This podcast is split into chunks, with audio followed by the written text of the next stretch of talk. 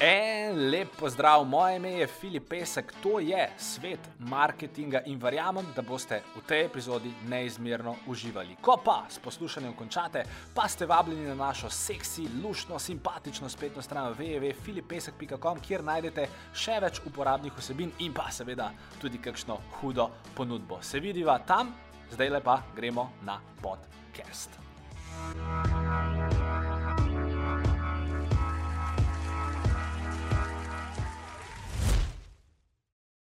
Ej, en lep pozdrav, danes je z nami uh, Neža Mlakar. Uh, o njej bi lahko rekel, da je v prvi vrsti mama, lahko bi rekel, da je uh, super podjetnica, ki je v bistvu svojo najboljšo prijateljico Karmen pripeljala v te naše svetove, uh, čudovito lapopsi znamko.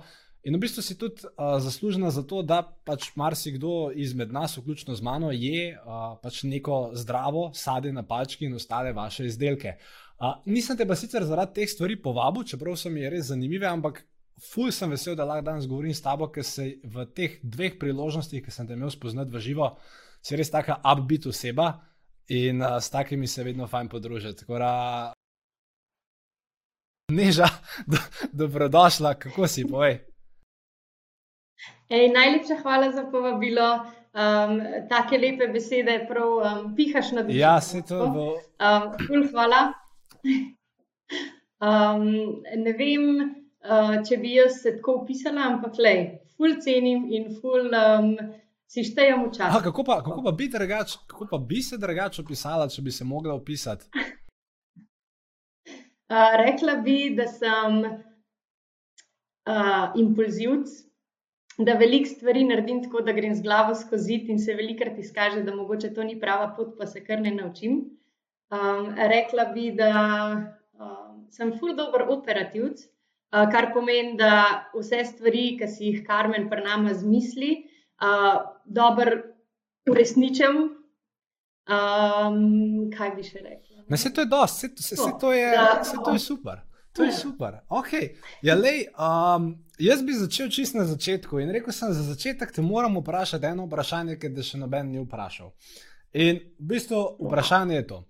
Vaš najbolj znan produkt je, uh, oziroma vaš vodni produkt je bilo pač sadje na palčki, ki ga pač mnogi zaradi oblike, pa vsega pač vržejo v isti koš kot recimo sladoled. In mene zanima, ko si bila ti majhna, kjer sladoled si najraje jedla? Čokolada. Čokolada. Kipica, čokoladna kipica. Ah, kje pa v, v kornet ali v lonček? Oboje. Ha, oboje. Okay, pa, mislim, pa, pa ja. sladki kornet, pa čokoladni preliv ali sam, sam kepica. Vse, ja. okay. Sladkor na sladkor. Okay. Super. No, a, a, te, a te je to že kdo kdaj vprašal? Ni, ne? Ni. Okay.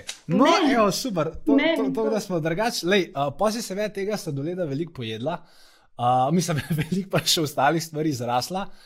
In pa si šla na neki točki tvojega življenja v Ameriko. Uh, kar se seveda že večkrat omenila, me pa zanima, s kakšnim namenom si v bistvu šla ti v Ameriko, kaj si nekako upala, da boš od nje odnesla, in pač, pa, ko se je ta Amerika končala, bi ne vem, danes isto izkušnjo ponovila, ali pač ne bi nikoli več šla v Ameriko, če bi lahko čas zavrtela nazaj. Ja, jaz sem uh, v bistvu v srednji šoli, jaz sem šla na uh, srednjo športno gimnazijo Šiško. In sem bila prepričana celo življenje, v bistvu, da bom učiteljica športne vzgoje. Ker prihajam iz družine učiteljev in je bilo to tako meni zapisano, ne? da bom pač jaz tudi učiteljica. In potem v četrtem letniku, ko se je bilo treba odločiti, uh, na kjer faks se bomo opisali, je mene prešinil, da, o moj bog, če grem jaz zdaj na div, bom učiteljica športne vzgoje in to je vse, kar bom. Vse ni s tem nič narobe, jaz sem si to želela biti, ampak nekako sem čutila, da bi bilo premalo za me, da bi mi nekaj manjkalo. In sem rekla, noč, grem jaz čez seznam vseh možnih fakultet, kar jih je, in si bom zbrala pač eno drugo. In sem si izbrala turizem in šla študirati uh, na turistiko v Portorož in sem diplomirana organizatorka v turizmu. In je bila to ena najboljših možnih odločitev, kar sem jih pač sprejela, glih zaradi tega, ker sem tam ne samo spoznala fulejnih zanimivih ljudi, uh, ampak dobila neko širino, kaj vse se da početi. Ker nam so tam, niso nas oklestili v neke okvirje, ampak so nam predstavljali, da je turizem panoga, ki je res nakonektana in povezana z vsemi možnimi, pač zdaj multidisciplinarna. No? Um, in da lahko marsikaj počnemo in si gradimo kariero. In sem jaz rekla, ok, top, valjda, to je to. Um, prav sem se odločila, no, in sem itak imela željo iti Erasmus nekam v tujino za pol leta, da bom dubla to izkušnjo iz tujine. Ne. Pa se je pa um, izkazal, v bistvu sva dubla z mojim bivšim možem priložnost, da greva delati v Las Vegas za pečečnika v Interblock. In jaz takrat nisem v bistvu niti še diplomirala, sem bila stara 20 let. Um, Alež pa je 8 let starejši od mene in je bil, um, v bistvu je on dobil ponudbo, da bi bil tam inženir in bi izobrazil ameriško ekipo, ker so imeli problem, ker ni bilo dovolj znanja v tisti ekipi.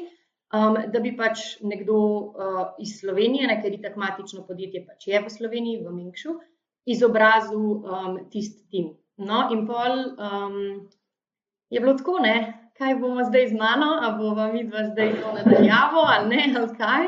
Um, in jaz sem po, po um, naravi ful tak radoveden človek in kamor me vržeš, tam se znajdem. In smo nekako prepričala, uh, da ekipo v Mengšu, ne v Interbloku, da bi bil jaz dober asset, tako tudi za ekipo, da bi se znajdla, da bi lahko pomagala um, in da bi mogoče najprej probali tako, da jaz prakso tam upravim pol leta in da vidimo, ne, če bo šlo, bo šlo, drugače pa pač grem domov. No, in sem bila vržena v en tak eh, bazen in so rekli, plavi. In sem prevzela najprej mesto osebne asistentke vsem šefom, zato ker je bila na začetku fulmehna ekipa. Um, potem sem pa um, bila udeležena v, v dobesedno vseh procesih, od marketinga, financ, compliance, servisa, skladišča, prodaje, ama, logistike, vsega, vsega, vsega. Um, ker se pravi, ne sem človek, ki se znajde, jaz ne vem, pač nikoli nikol se ne ustrašam in se tudi takrat nisem. No? In sem potem tam uh, usvojila znanja, ki vedno rečem, jih ne bi mogla kupiti ali pa dobiti na kjerem koli faksu, na kjerem koli delovnem mestu, druge kot tam. In sem tako noro hvaležna, ker je bila to ena neprecenljiva izkušnja. In če bi se mogla še enkrat odločiti, bi se isto odločila. Cool. Lepo. Ja. Las Vegas ti je drugače všeč kot, kot mesto, az, mislim pač tako. Ali si šel po Ameriki, pol kasneje? Ja, itek, itek. Um, Las Vegas je Sin ja. City. Ja. Tam, se ljudem, uh, tam se ljudem malo zmeša, oni pridejo. Uh, večina je sicer domačega turizma, ne vem, če to. Uh, to tega nisem vedel. Ljudje nisem vejo, ja. ne. Ja, večino turizma, mislim, da celo 80% predstavljajo te LA, Colorado mm. in te v bistvu okoliške države, ki pridejo za vikend na odklop. um, in, in je res noro. Jaz sem tam doživela se vašta ene stvari, ki sem si rekla, evo, only possible in USA. Ali pa ne, only possible in Las Vegas. Cool. Res, uh, stvari, ki si jih ne moreš sploh zmisliti. No? Um, in je pa res, da je Vegas mesto, kjer ljudje fulmigrirajo. Ne, se pravi, pridejo in grejo, grejo provat, uh, ne vem, neko delovno mesto, dobijo neko priložnost in par let so tam in pol grejo naprej. Ne, ker v Ameriki je pač Selice je res zelo enostavno, ker je isti jezik, ista valuta, isto, isti kabel. Ja, pa tudi, vse pa je tudi mogoče isto, kultura tam je taka, da, da to so ljudje že navajeni, oziroma itak jaz in moj brat tudi potuje, moja mama je tudi potovala, pa bom še jaz potoval. Ok, lej, da ne bomo mi zdaj zagemblala tega svojega časa v, Las Vegasu, ne pač, ker, ker je res lepo mesto. Dej mi, mi povej, posta, posta pa s Carmen.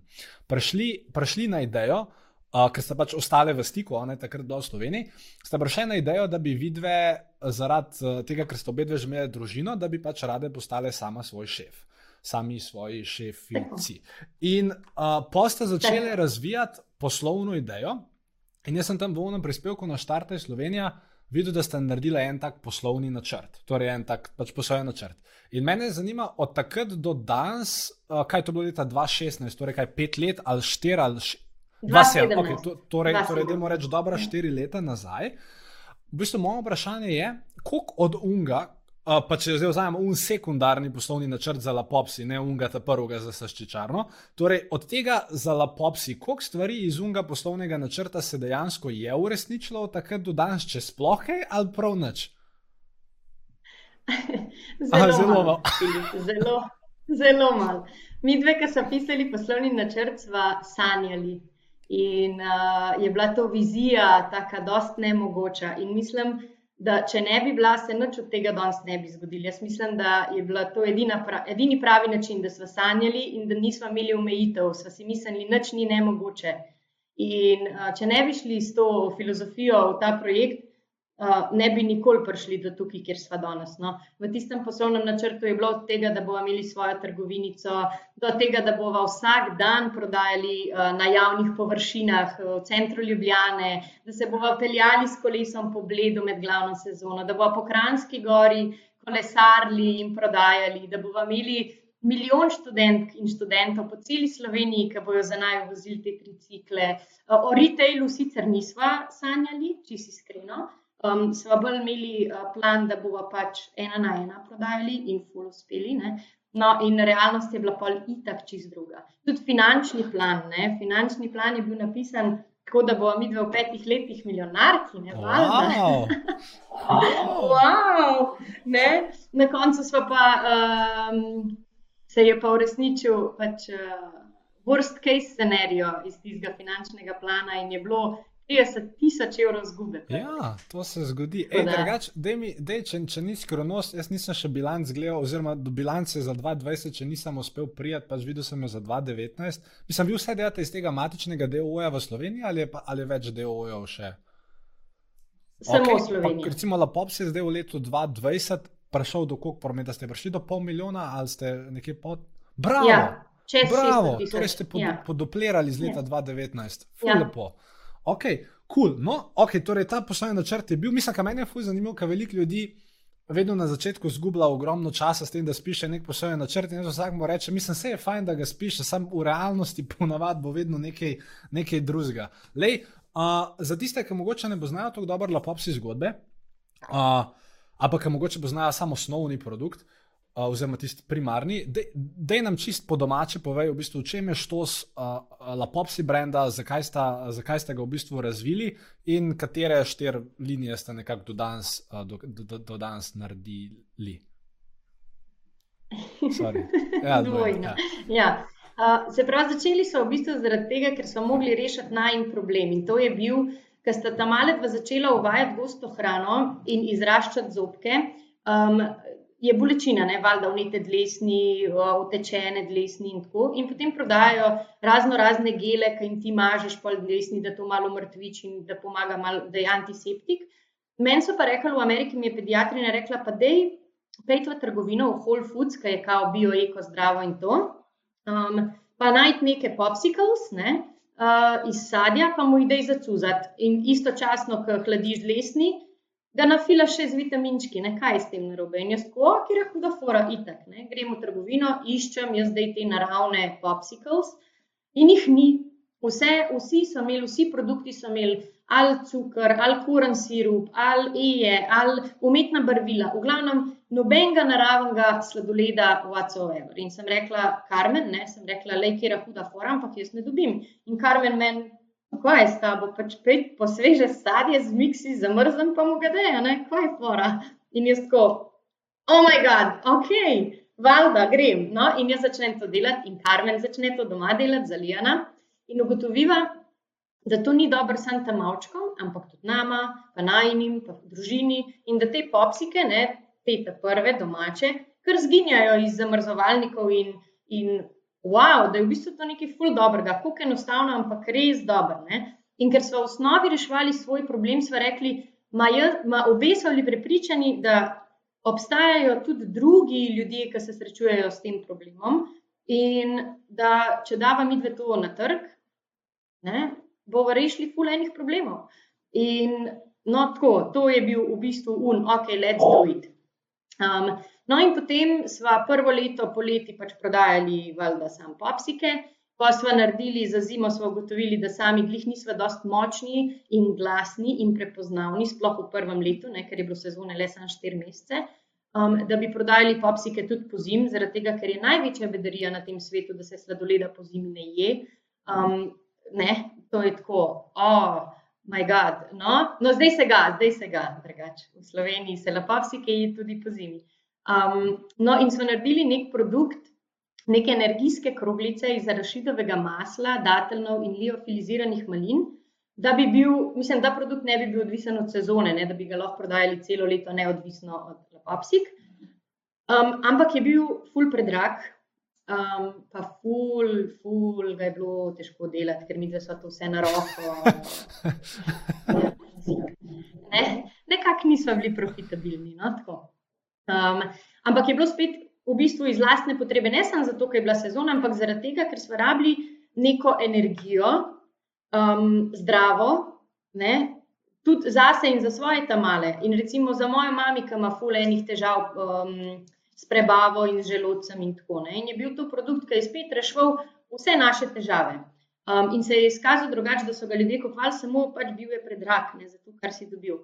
Um, no, in iz tega se je pol tudi razvil lapopsi bombon, uh, ki so sadni koščki, spet brez vseh možnih dodatkov, glih zaradi tega, da imaš ti en prigrizek, ki ga daš lahko tam malčku, če recimo poje, ne vem, pol vrečke haribo bombonov, pa bi on še, pa še, pa še, pa še, a ne, rečeš, lej, pojej deset vrečk lapapsi bombonov, zaradi mene petnajst, ni panike, ne, sam nehi sanjati o tistem cukru. To je to.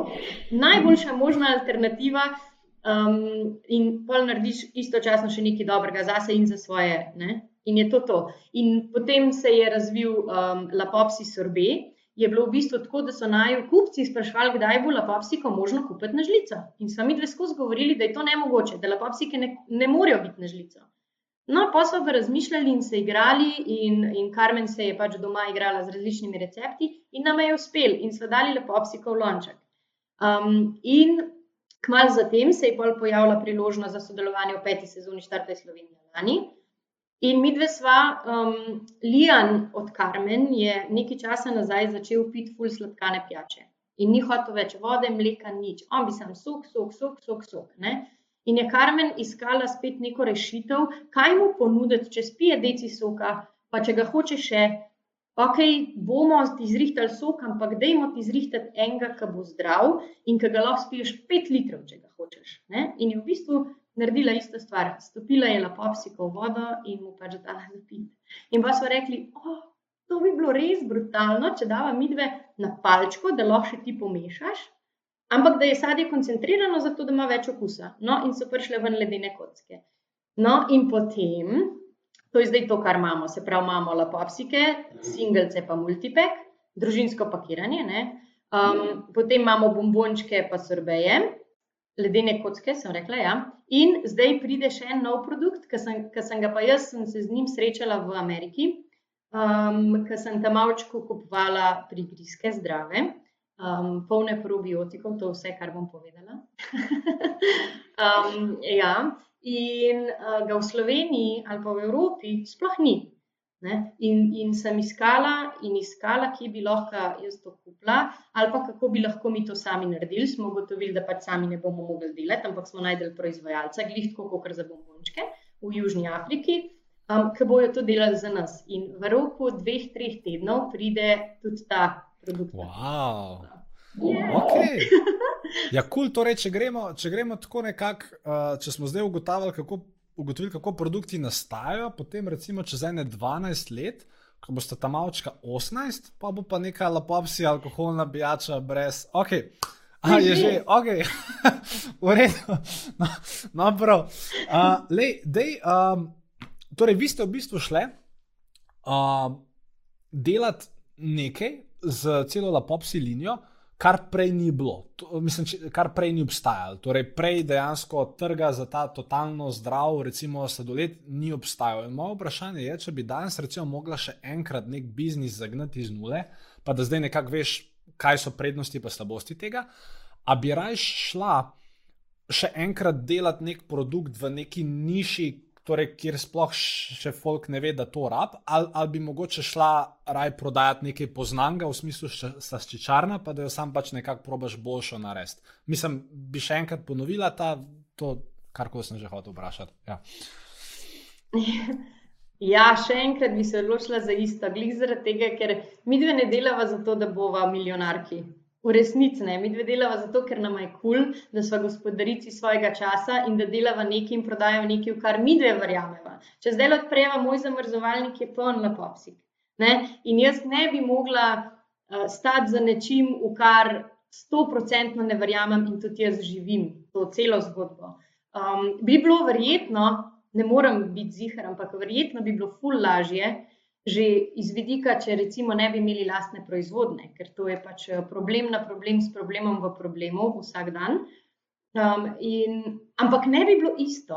Ne? In jaz mislim, da ja, bi se še enkrat obe odločili za isto pot. Ampak, ampak ne, če bi, če bi um, ponavljali, da bi bili že izkušeni, bi verjetno fulmen napak. ja, to, pa, to je pa vedno, to je pa vedno neka. Uh, Ja, nek proces. Lej, uh, torej, šle sta prodajati zadevo, ki jo ljudje še niso poznali, oziroma kjer jih je bilo treba prepričati, da oni to rabijo. Zato me zanima, ali sta v vseh teh letih ne vem, ugotovili kakšno posebno stvar, taktiko, strategijo, ali pa ne vem, nek pospeševalec prodaje, ki za v bistvu lapopsi res dobro deluje. Mislim, kaj deluje cel brand v smislu, ok, dajmo, dajmo denar v marketing, dajmo se pojavljati, pa bo to ponesel brand naprej, ali imate kakšno drugo strategijo, razmišljanje, s katerim hočeta iti proti milijonu? Mi dve glih na začetku, se pravi 2017, nismo točno, točno vedeli, kaj sploh imamo. Mi dve smo vedeli, kaj hočemo delati, ampak tega nismo nikakor znali skomunicirati. Um, pol pa, ko smo prodali, ko smo postali del projekta Štartaj Slovenija in ko smo se začeli, ko smo, smo imeli castinge, pa ko smo produkte predstavljali in pol, ko smo bili sprejeti, Um, in ko, so, o, ko smo pisali vse te scenarije in se pogovarjali o produktu, kaj sploh ima, zakaj ga ima, kako to počneva, kaj so prednosti, smo ugotovili, da ima res kakovosten produkt, ki je ljudem všeč. Prej, prej smo bili zelo skeptični. Tudi uh, pustili so se, recimo, malo pod vpliv uh, drugih sploh domačih, ki nismo na kakšne trenutke imeli glih občutka, da imamo podporo, ne smo le delali izgubo, mislim. Da, um, ampak pač ne. Um, ampak so tako močno verjeli, da, da iz tega nekaj bo, da se nismo nikoli predali. In s pomočjo Štarta iz Slovenije so nama pomagali ugotoviti, kaj sploh imamo. In zato recimo so tudi številke na, na embalaži, ki jih nima noben, ne? ampak mi dve pa res lahko se pohvalva s tem, kaj dava v najm produkta. Pač ni kar tako, da daš ti eno celo banano v banano kakao ali pa tri četrt celega manga. To je ful. In noben tega ne dela zaradi tega, ker vsi delajo za denar ali pa velika večina, no? ne bom rekla vsi um, sploh multinacionalke. Ne? Pač delajo za tisti dobiček, maso, masovno, da je čim, niž, čim nižja cena, da se čim več prodaja. Nama pa to ni v interesu. Nama pa je v interesu, da obdrživa kakovost za dostopno ceno um, in pač to pot nadaljujeva in hodva po tej poti. Ja, pa mislim, da se je tudi drugače. Um, mislim, ne glede na to, da ohranjate to kvaliteto, pač vama še vseeno uspeva rasti. Ne, torej prej sem pač ja. rekla iz leta 2019 v 2020, kar se je zgodilo, kar pomeni, da verjetno, oziroma sigurno je tudi to neka pot. Ne? In ni tako logično, da če ti ohranjaš kvaliteto svojega izdelka, da pa se bo tisti marketing od ust do ust še hitreje dogajal, kar je tudi, kar je tudi nek namen. Ok, pa ki smo glih pri multinacionalkah, enkrat si rekla, da. Uh, uh, moraš biti kot Coca-Cola. Mislim, v smislu, da si pač povsod viden, oziroma da se pač povsod prikazuješ. In ne vem, pri Lapopsiju, kako ta uh, marketing zgleda, oziroma bom drugače vprašal. Organsko, itak, imate svoj Instagram profil, imate svoj Facebook profil, verjetno še kjer drug profil. Ampak kar se plačljivega oglaševanja tiče, a vi kot Lapopsi, kot krovno podjetje, kaj dejansko promovirate, ne vem, kupujete jumbo plakate, Facebook oglase, ali to vse dela špar, ali to ne delate ne vi, ne špar, pa samo organsko se širite. Ne, se pravi, um, mi smo 2018, ko smo zmagali štartaj, um, smo imeli polno marketinško podporo itak na ProPlusu, ne, um, pa Jumbo v sklopu projekta štartaj. Potem smo 2019 se poslužili oglaševanja nacionalno kampanjo po billboardih. Z, z, z um, svojim, svojim denarjem? Okay. Svojim, okay. ja, ja, svojim, svojim budžetom. In na televiziji smo imeli cel maj v letu 2019. Eh, svoje oglase. Um, potem pa v 2020 sva um, v bistvu. Imamo tudi plačljive uh, kampanje, sploh kadar so kakšne akcije v šparu, ali pa kadar pride nov produkt, zato da dosežemo večje število ljudi, da se jih ozavesti. Um, ampak smo ugotovili, da recimo oglaševanje na jumbo plakatih, pa na televiziji, da smo še malo preveč. da, da to je le za. za um, Mislim, moraš imeti res stabilno podjetje. Mi dve pa hitro rasteva, kar pomeni, rabimo full. Mislim, likvidnost je itak problem pri vseh hitro rastočih podjetjih ali pa kar pri vseh podjetjih. Um, in pri nama se je izkazalo v 2019, da glih zaradi tega, ker so vsi prvo šli um, take vrste oglaševanja, ki so full v bistvu draga, ne, um, da smo imeli pol probleme z likvidnostjo. Um, ker recimo začetek sezone pri nama je pač, ne, to je treba vse vnaprej plačati, ja, vse zaloga vnaprej ja. Um, in si pač take vrste oglaševanja pol v 2020 in tudi letos ni plan, da si jo prvoščva. Letos smo bili sicer na radiju um, in je ne te tradicionalne oblike oglaševanja. Uh, je ful težko, ker so težko ja, v bistvu, v bistvu so čisto nemerljive. Posebej, če imaš. V bistvu ja, so čisto nemerljive, tako to delaš na pure brand. Tako, ampak nisem le, ampak tudi in... to, mislim, na, tako down the line, sigurno nek efekt bo imel, oziroma se ga ima, sam pač tle je problem, ker pol, tako ga se je rekla, te zadeve stanejo, ampak. Uh, Ja, lej, ne, pač ste pa zrasli, to, kar ste zrasli. Vmes pa je tako težave z likvidnostjo, to je pa klasika. Noč na robe. A imaš ti drugače kot, kot financ ministrica? Ne vem, ne, v enem intervjuju si rekel, da pač imaš finance čez. A greste vi v, mislim, a se to sploh da zračunati, ampak mislim, što je tako lapopsi izdelkov, je, da so ponavljajoči se nakupi. Torej da, nek, torej, da ti dobiš nekoga, ga prepraviš do tega, da gre probati in bo ka proba, on to kupuje naprej. A vi, ki prodate prvi lapopsi, Torej, recimo, da, da sem jaz kupec, zdaj ste vi eno leto investirali v, vem, v marketing, v ne vem, kar koli že v razvoj, in zdaj ste mene najdeli in jaz sem šel kupiti prvi lapopsi. Vi, verjetno, takrat, ko jaz kupim prvi lapopsi, če vse po črto potegnete, vi, verjetno, minus naredite takrat. Z, absolutno. absolutno. Okay. Pa, slučajno, veš, parkiram lapopsi, se pol nekako na nula prijaš, ali je to preveč težko zaračunati. A veš, da nisem nikoli? Ne, se ne, se, tega se sploh ne, kako bi to zaračunal, ampak tako. Uh, pač, z, ampak ja, torej v bistvu štos je, da vi cel cajt vlagate v, v, v prepoznavnost, v, v to, kar ste, razvijate produkte in potem, ko človek enkrat pride, se zaljubi in potem, ko kaj jaz kupuje, lepo psi malino. Ok, v redu. Uh, če malo prešaltava uh, ven iz marketinga, a si ti pred lapopsi uh, že Vse, zdaj imate, mislim, da štiri ali pet zaposlenih, koliko jih imate zdaj? Štiri, pet? Štiri, ok, po mesecih je bilo že malo več. Ja, ok. Ja. A ti si pred Labopsom vodila kakšne kolektive? Ne, ok. Ne. No, kako si se navadila na, na, na to, na delo z ljudmi, mislim, z, z ekipo? Ko smo se širili v, uh, leta 2019 v 100 šparov in je bila proizvodna um, res fulobremenjena. Um, smo imeli deset študentov. In je bilo to takrat naj, to je bilo do zdaj največ ljudi, kar, kar sem jih mogla voditi, ne? se pravi, deset študentov plus redno zaposleni. In sem se izkazala kot najslabši možni vodja na tem planetu. Pač jaz sem bila živčna, um, tečna, diktator, Hitler. Evo, Hitler. Če ni bilo moje, je bilo vse narobe, presežen. Ja, mislim, hi, Hitler ali pa Steve Jobs, ne, se sta oba dva zelo podobno vodila. Rad, ne rabiš glih te prispodobe uporabljati. Ok, v redu. In kaj je bilo pol?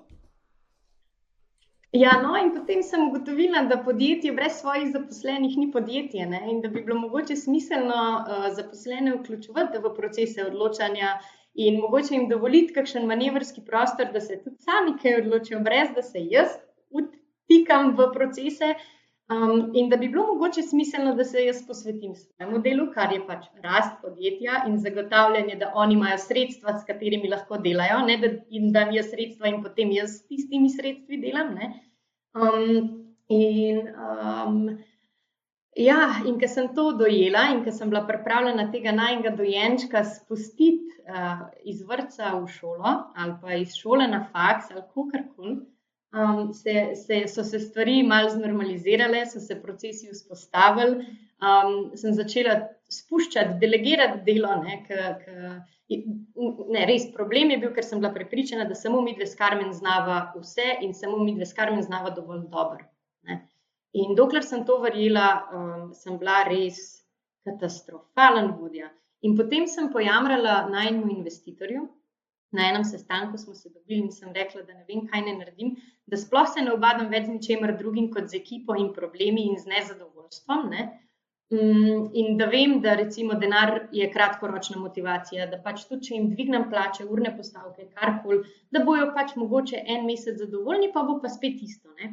In je on rekel, ja, jaz sem se tudi s tem srečal, sem bil tudi tak, kot ti. ne, da ima vse z glavo skozi zid, vsi takoj, vse, briga me nad ure, družin, nič, res, samo da je pač cilj dosežen, no matter what. Um, in pa mi je pač povedal, da se on izobražuje po teoriji izbire. V bistvu obstaja Evropski um, inštitut za realitetno terapijo, kjer um, se v bistvu ukvarjaš sam s sabo. In uh, sem jaz eno leto razmišljala o tem pismu, mogoče bi pa mogla jaz se tudi začeti malo ukvarjati sama s sabo in ne toliko z drugimi. Ne? In ker sem prišla do točke, ki je bilo res, ok, zdaj pa čas, zdaj moram pa jaz nekaj spremeniti. Um, sem se upisala in sem zdaj drugi letnik in moram reči, da ful lažje razumem sebe in druge in mi to ful pomaga. pomaga prvo, ok, pa, ma, pa si recimo zdaj razvila nek tak, recimo, pa imaš Torej, okay, predvidevam, da zelo avtoritativnega stila vodenja nimaš, ampak zdaj, eh, torej, če gremo zdaj na uni drug spektr, a si čist una v smislu, splavam nam da analog, sami se odločite, whatever, delite kar hočete, ali a si vse ena, ki pač ok, rečeš, da je to treba v tem tednu narediti, zdaj se pa znajdite, pa naredite. Mislim, pač, veš, torej, kako zgleda to vodenje v praksi. Um, v bistvu je čist negospodovalno. Okay. Evo, to je izraz. Negospodovalno vodenje. Se pravi, Postavijo se jasni cilji, um, in jaz sem začela komunicirati svoje pričakovanja. Um, in ko sem to začela početi, v bistvu ne rabim, mislim, spremljam skozi, kaj se dogaja, kaj je bilo proizvedeno, kje so bili problemi, kako jih rešiti. Um, ampak dopuščam, res dopuščam možnost, da si sami urnik prilagodijo. Da, um, ne vem, da se odločajo, kje je okuse, kdaj, glede na naročila od špara, ki jih tedensko dobivamo. Um, dovolim, da vse v bistvu, se pravi, jaz sem jim dala orodje, vse, skomunicirala, kako, kaj, zakaj, jih naučila. Um, in zdaj jim pač prepuščam, da upravljajo svoje delo, ker ga upravljajo zdaj boljš, kot se lahko. Okay, super. No, lepo. Dobro, uh, torej, si Da imate reči, ne samo, da si odgovorna za, za ekipo, pač kot so lasnice, si seveda tudi odgovorna za uh, podjetje. In um, veliko ljudi, ki pač se umeni pojem odgovorna oseba, uh, veliko ljudi si to pričakuje kot da ja, je, ok, on pa sam na golf hod, pa velike plače, pa visoki bonusi. Ne? Zdaj oba veva, da, uh, da to načama ni čistko. Uh, ker so včasih, mislim, pač prvič, ker večina ljudi res ne hodi na golf, vključno z mano in tabo, po mojem. Uh, druga stvar je pa, da uh, so seveda tudi turbulence uh, v poslu in ena izmed njih je bila recimo lani, pa po mojem največja na tvoji podjetniški poti. In jaz zdaj zanima me, recimo, če se spomniš lani 10. marca, ko so bila poročila približno 30% v koroni. Pol naslednji dan so bila že cela poročila o koroni. Pol naslednji dan so bila izredna poročila o koroni, in pa smo zvedeli, da se država zapira, ne vem pač vse, kar je epidemija, la, la, vsi bomo umrli. In zdaj, kaj je šlo tebi tisti dan, tisto noč, pa tisti teden po glavi? Hm. Najprej sem se ustrašila, kaj v resnici zdaj to pomeni. Um, ampak sem šla iz, te, iz tega strahu, full hitter v operativo, proaktivnost. Sem rekla, ok, jaz ne bom žrtev okoliščin in mi ne bomo žrtev okoliščin, ampak bomo provali po svojih najboljših močeh delati v teh okvirih, v katere so nas pač dali. Sej noben ni rekel, ne smete delati, pa noben ni rekel, ne morete delati. Um, in ker sem jaz dojela, da se še vedno da, um, smo začela razmišljati pač pozitivno. Um, nismo se ustrašili bolezni, zato ker smo vsi zdravi um, in ker vsi pač skrbimo zase. Um, ne, in pač, ne vem, moj, moj Aleksandr je dobil um, virusni meningitis lani oktobra. Ne, pa kaj, mislim. Kako boš to predvidel? Pač ne predvidiš, in ko se to zgodi, poskrbiš zase in za njega, po svojih najboljših močeh in sem si rekla, evo, mi bomo zdaj isto. Um, In smo, mi smo vsak dan normalno začeli z delom, normalno zaključili. Um, res je bil upad prodaje za nekih 25%, zato ker so bile trgovine prazne, pa vsi, ki so hodili v trgovine, so kupovali samo nujne stvari. In uh, lepo si okay, za mene so nujne, ne, mogoče še za koga, ampak, ampak niso pa to zdaj muka, kvas, jajca. Ja. Um, pa več papir, ja, več papir. Je, ja, več papir, ja. Okay. Uh, ja, kul, cool, torej v bistvu. Tako da nisem okay, mislim, no, ampak mislim primarno. Zdaj, se ga rekel, da okay, sem se ustrašil, pa sem prešal na pozitivo. Sam undel, ki si se ustrašila. To je zgledalo tako, ne prespana noč, ne prespane dve noči, ali to je sam zgledal, ne, ne, ni bilo tako hudo. Ok, bravo. Ne. Hudo. Ne, sem mislil, mislim pač, ker uh, vsakega to vprašam in so ful različni odzivi. Zato, ker jaz vem, da sem pač mene en dan čist zabil. Ne, ok, v redu, kul. Cool. Ampak pri nas, nas ni nobenega od, moje, ne, od ljudi, ki me obdajajo, razen moje babice, ki je 79 mm. let stara in vsak dan je pač poslušala. Ne? Jaz recimo ne znam niti televizije, jaz ja. berem novic. In, in mene res ni tako se dotaknilo to. Um, in tudi nobenega v bistvu ne poznam, ki bi bil res ki je zbolel, pa da bi bilo res. Ne, ne, ne, se ne zaradi, ne? da ne bo pomote, ne, ne zaradi bolezni, mene za, za bolezni, me, to, to je meni ja. vse, ampak uh, pač z vidika podjetja, ne, ker mi to delamo s poslovnimi partnerji, pa sem rekel, šit, torej zdaj četrtina od teh, s katerimi delamo, se bo zaprla, nam bodo pa še plačvala, nam ne bodo čak koga mogo odpustiti, pa za me je bil cel proces. Ampak, ok, sem full vesel, da ste čez to šli, pa da ste čez to šli dober. Uh, in zdaj, če se vrnemo nazaj na, na finance, uh, recimo, pač, ki si štartala, s, oziroma ki si štartala z Lapopsi, verjetno si imela tudi uh, torej neko, dolo, oziroma nisi verjetno imela toliko izkušenj glede financ, kot jih imaš danes. In kaj si se recimo v teh zadnjih štirih, petih letih naučila, glede recimo upravljanja z denarjem? Uh, oziroma, imaš še na svet, ki bi ga na tem področju dala vsem, za vsa recimo hitro raztoča podjetja ali pa ne vem, kogarkoli drugega, ki to posluša, gleda. Ja, naučila sem se, da je treba za določene stvari dvakrat razmisliti, ali je res nujno. Um, in če ni, koliko časa lahko še počaka, da pride do tiste faze, da okay, je zdaj pa res nujno. Um, potem sem se naučila, da je zelo dobro imeti en TRR odprt, um, na katerega malo pozabiš in tam vrčuješ. za hude čase. In se mogoče tudi zaradi, iz tega vidika nisem tako strašila uh, korona situacije, ker sem vedela, da imamo pač nek backup, um, da tudi če se zapremo, imam za plače. Pa, ja, razumem. Ja. Um, in sam, da do tega prideš, ne, jaz to prej nikoli nismo imeli. Ne. Zdaj pač um, sem dosti previdna, da vem, da za tri mesece, če se karkoli zgodi, pa preživi podjetje. Um, potem sem se naučila um, da se z vsakim dobaviteljem da dogovoriti za daljše plačilne roke. Um, da, imela sem najboljšo lekcijo, enkrat vmes smo bili full dolžni, okrog 2017, ker nismo mogli poravnati ja, pač svojih obveznosti, evo, ja. poznam in grozen je bilo. Um, In jaz sem, jaz sem ignorirala to. Ne? Se pravi, jaz sem vedela, da so tiste valute že zdavni mim, Um, ampak nisem poklicala dobaviteljev, pa, pa jim povedala, kaj se dogaja, ampak sem pač odlagala in odlašala, in, in se nisem nekako hodila s tem spoprijeti. Um, pa sem pa dobila eno fino lekcijo, no, spet od investitorja je rekel: Nek sem klicala, če bi mi mogoče, um, če bi nam posodil denar, ne, da jaz poravnam te obveznosti. In je rekel: Aha, draga neža, osed se za mizo, dvigam telefon, vse preklič, vsi bodo razumeli, zaradi njih 200-300 evrov, nihče od tvojih poslovnih partnerjev ne bo propadel. Um, naučila se boš pa marsikaj in sem se komuniciraj, če je problem, komuniciraj, ne izogibaj se tem neprijetnim stvarem. Um, pa to odrekanje, ne? včasih pač moraš reči ne za stvari, ki niso nujne. Recimo, kdaj ne vem a nujno rabimo letake, če pač imamo nulo na računu, a nujno rabimo letake. Ja. ja. Ja, mislim, aj, mislim edini, če so letaki, edini način, da razprodaš zalogo, ki jo imaš, pa jih mogoče rabaš, pa spet odvisno. Ok, kul, cool. uh, fulorejo. Pa pa poleg tega, da, da ješ uh, zdrave, uh, zdrave labopsi prigrizke in stvari, Uh, nekje sem zasledil, da v bistvu, če bi mogla izpostaviti eno stvar, brez katere si ne moreš predstavljati svojega dneva, je to trening oziroma športna aktivnost. A to še vedno drži, ali to je bila samo marketinška poteza, da si to rekla? Ali, Joj, ki si me zdaj dobil. Od januarja ne res? treniram. Evo, januar, res.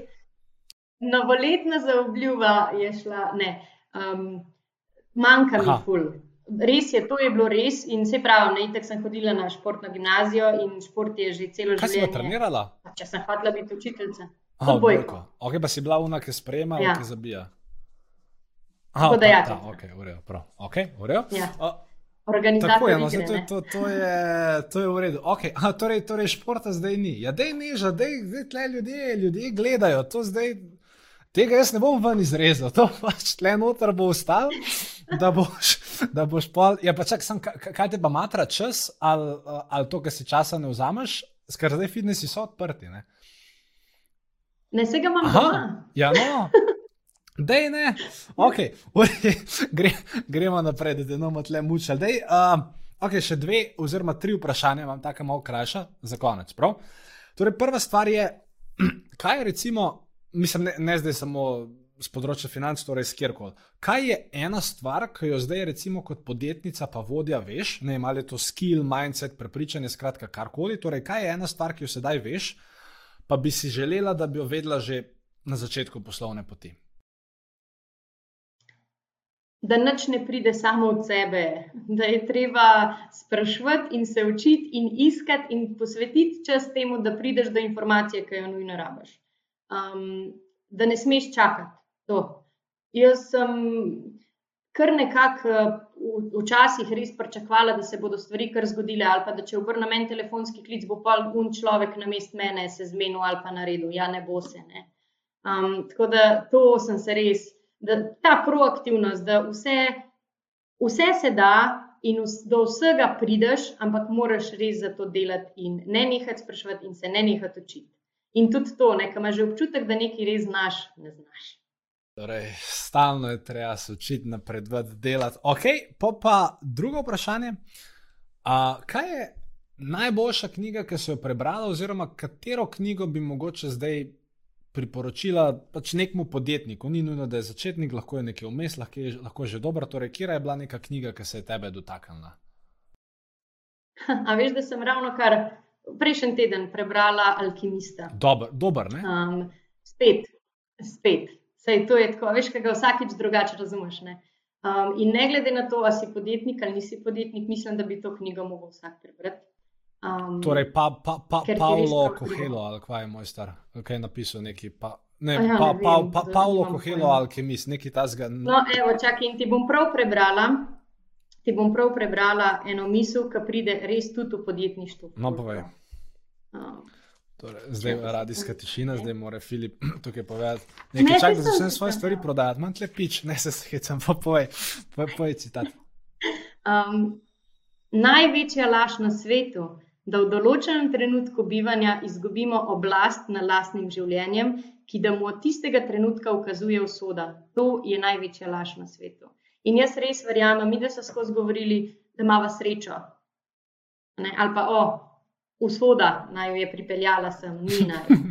Trdo delo, mindset, sanje, um, pa to, da verjameš. Lej, res. Ok, cool. Uh, in potem še uh, tretje vprašanje. Uh, kaj je pa zdaj, recimo, neka tvoja, pa od Karmen, uh, vizija za Lapopsi? Kaj bi radi, recimo, v naslednjih letih uh, s tem podjetjem, s to zgodbo uh, naredili?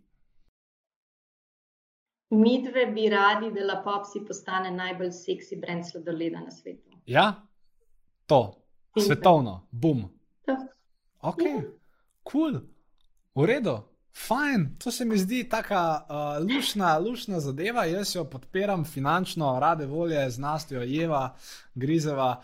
Uh, in uh, ful ti hvala no, za, uh, za tvoj čas, za tvojo iskrenost, za produkt, ki si ga razvila. Uh, za vse ostalo, kar pač pomeni slovenski podjetniški skupnosti. Uh, kaj moram jaz na koncu povedati? Ja, če vam je bil ta intervju všeč, uh, bova vesela z nežo kakšnega komentarja, feedbacka, sporej. Če to ne gre, dajte polajkati, pošerati, če to ne gre. Dajte pa en na svet, ki ga je danes neža povedala, magar uporabite pri svojih financah ali v poslu ali pograbite tistega alkimista. Uh, in to mislim, da je to neža, zdaj pa sem pač reč, da pomahava nekako na koncu, pa si rečeva, hvala, Filip, ker si bil z mano. Ej, uh, res hvala ti, no, pa se vidimo, lepo se me. Čau, čau. Ja, hvala. Čau.